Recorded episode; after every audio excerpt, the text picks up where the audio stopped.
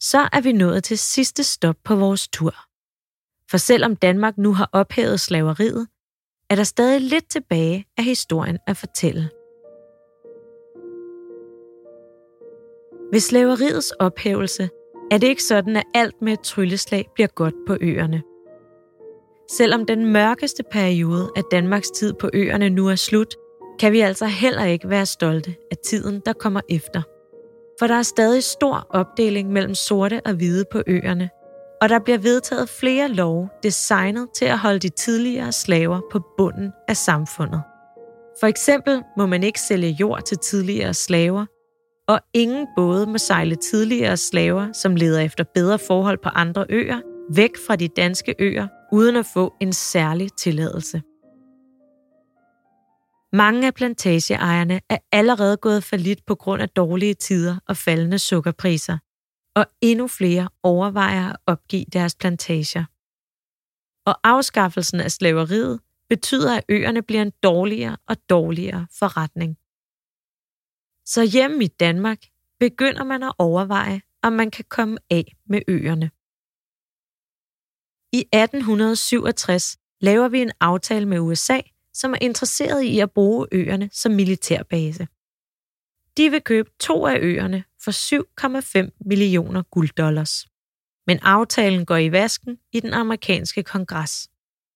35 år senere, i 1902, prøver vi igen at handle med USA. USA vil nu gerne forhindre andre stormagter, som for eksempel Tyskland, i pludselig at købe øerne af Danmark. Denne gang skal USA købe alle tre øer for 5 millioner dollars. Men nu er det i Danmark, det går galt, da halvdelen af landstinget stemmer imod salget. Så bryder Første Verdenskrig ud i 1914. Og nu bliver USA rigtig nervøse for, om Tyskland kommer og erobrer øerne for at bruge dem som ubådsbase. USA og Danmark bliver nu enige om en noget højere pris end tidligere, nemlig 25 millioner gulddollars for alle tre øer. Det beløb svarer til ca. 3,2 milliarder i nutidskroner, og det er en tredjedel af statens samlede indtægter på et år dengang. Så det er en rigtig god forretning for Danmark. Den her gang bliver forslaget sendt til folkeafstemning. Faktisk den første folkeafstemning i Danmarks historie. Beboerne på øerne får dog ikke mulighed for at stemme, selvom det er deres hjem og deres liv, det hele handler om. Det svarer til, at den danske stat ville sælge for eksempel Lolland, og ingen spurgte dem, der bor på Lolland, om de har lyst til pludselig at tilhøre USA i stedet for Danmark. Danskerne i Danmark stemmer klart ja. To tredjedele af stemmerne er for et salg.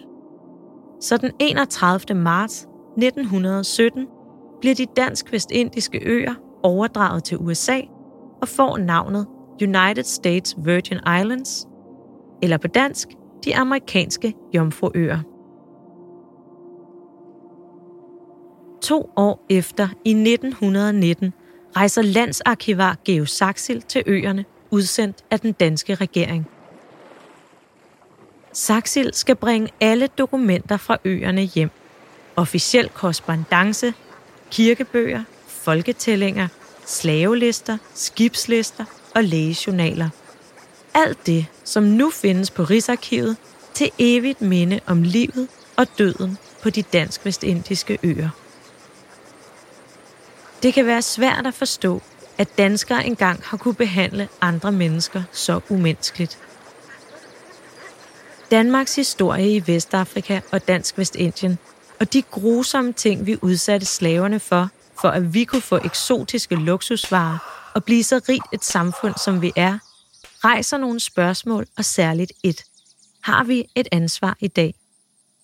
Der har af flere omgange været diskussioner om, om Danmark bør sige undskyld for sin involvering i slavehandlen og sin tid som kolonimagt, og der har også været delegationer fra øerne i Danmark for at bede om en undskyldning. I 2017, ved 100-året for salget af øerne, sagde den daværende statsminister Lars Løkke Rasmussen i sin nytårstale. I år er det 100 år siden Danmark solgte de vestindiske øer til USA. Og satte et punktum for et grusomt kapitel i vores historie. Mange af Københavns smukke gamle huse og palæer blev opført for penge, tjent på slavers slid og udbytning på den anden side af jorden. Det er ikke en stolt del af Danmarks historie. Det er skamfuldt. Og det er heldigvis fortid. Han sagde altså ikke direkte undskyld, og det mener nogen er det helt rigtige at gøre, da nutidens danskere ikke selv har holdt slaver, og nutidens beboere på øerne ikke selv har været slaver. Andre mener, at som land bør Danmark give en officiel undskyldning for fortiden. Det bliver også diskuteret, om de lande, som er blevet rige på kolonierne, skal betale erstatning. I 1999 blev der holdt en international konference i Accra i Ghana, hvor afrikanske lande bad tidligere slavenationer, som nød godt af slavehandel og kolonialisme, om at betale 777 1000 milliarder dollars inden for fem år som erstatning for slaveriet. Der er dog ikke blevet betalt nogen penge. Udover de spor, som perioden har sat sig hos Danmark økonomisk, har vi også alle bygningerne i Frederiksstaden til at vidne om det, der foregik på øerne.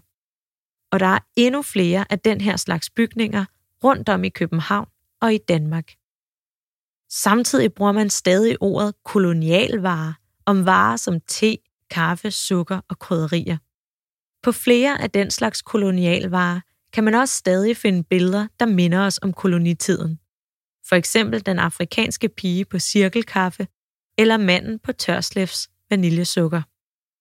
I Haribos skippermix er lakridserne formet som guldmønter, våben og sorte karikerede menneskehoveder, altså alt det, som trekantshandlen handlede om, bare i en slikpose. Efter en racismedebat i Sverige besluttede Haribo at stoppe produktionen af nogle af lakridshoderne. I mange europæiske lande, som for eksempel England og Frankrig, er bevidstheden om slavehandlen og kolonitiden stærk, fordi der i de lande bor mange efterkommere af slaverne. Også i USA, hvor der lever rigtig mange efterkommere af slaver, er tidligere tiders slaveri noget, der står meget stærkt i folks bevidsthed. Men i Danmark er det først i de senere år, der rigtig er blevet sat fokus på vores fortid som kolonimagt i Dansk Vestindien. Det kan skyldes, at vi aldrig havde særlig mange danskere over på øerne, og mange af dem, der var der, døde af sygdomme. Og kun meget få slaver eller efterkommere af slaver kom til Danmark. Så der har manglet nogen til at minde os om historien. Derfor har vi ikke den samme mindekultur som andre lande, og som vi for eksempel har om vores historie med Grønland. Men det gør det ikke til en mindre vigtig del af Danmarks historie. Den er en del af fortællingen om, hvad Danmark er som land, og den er synlig overalt, hvis man ved, hvad man skal kigge efter. Gennem vores tur i Frederiksstaden har vi kigget bag facaden på nogle af de bygninger, der vidner om vores historie i Vestafrika og Dansk Vestindien. Og nu er vi ved vejs ende. Jeg er rigtig glad for, at du er taget på den her tur med mig i dag. Mit navn er Marie Ramhøj, og lydvandringen bag facaden er produceret af Travers Media for Foreningen Levende Menneskerettigheder. Lyddesign er lavet af Tobias Niemann Brix, og bag facaden er støttet af Slots- og Kulturstyrelsens pulje for almennyttige kulturelle projekter. Arkivalierne i Rigsarkivet om og fra Dansk Vestindien er digitaliseret og gjort frit tilgængelige på nettet, og dele af samlingen er på UNESCO's liste over verdens skriftlige kulturarv. Nogle af kilderne fra denne lydvandring er bearbejdet til et nutidigt sprog.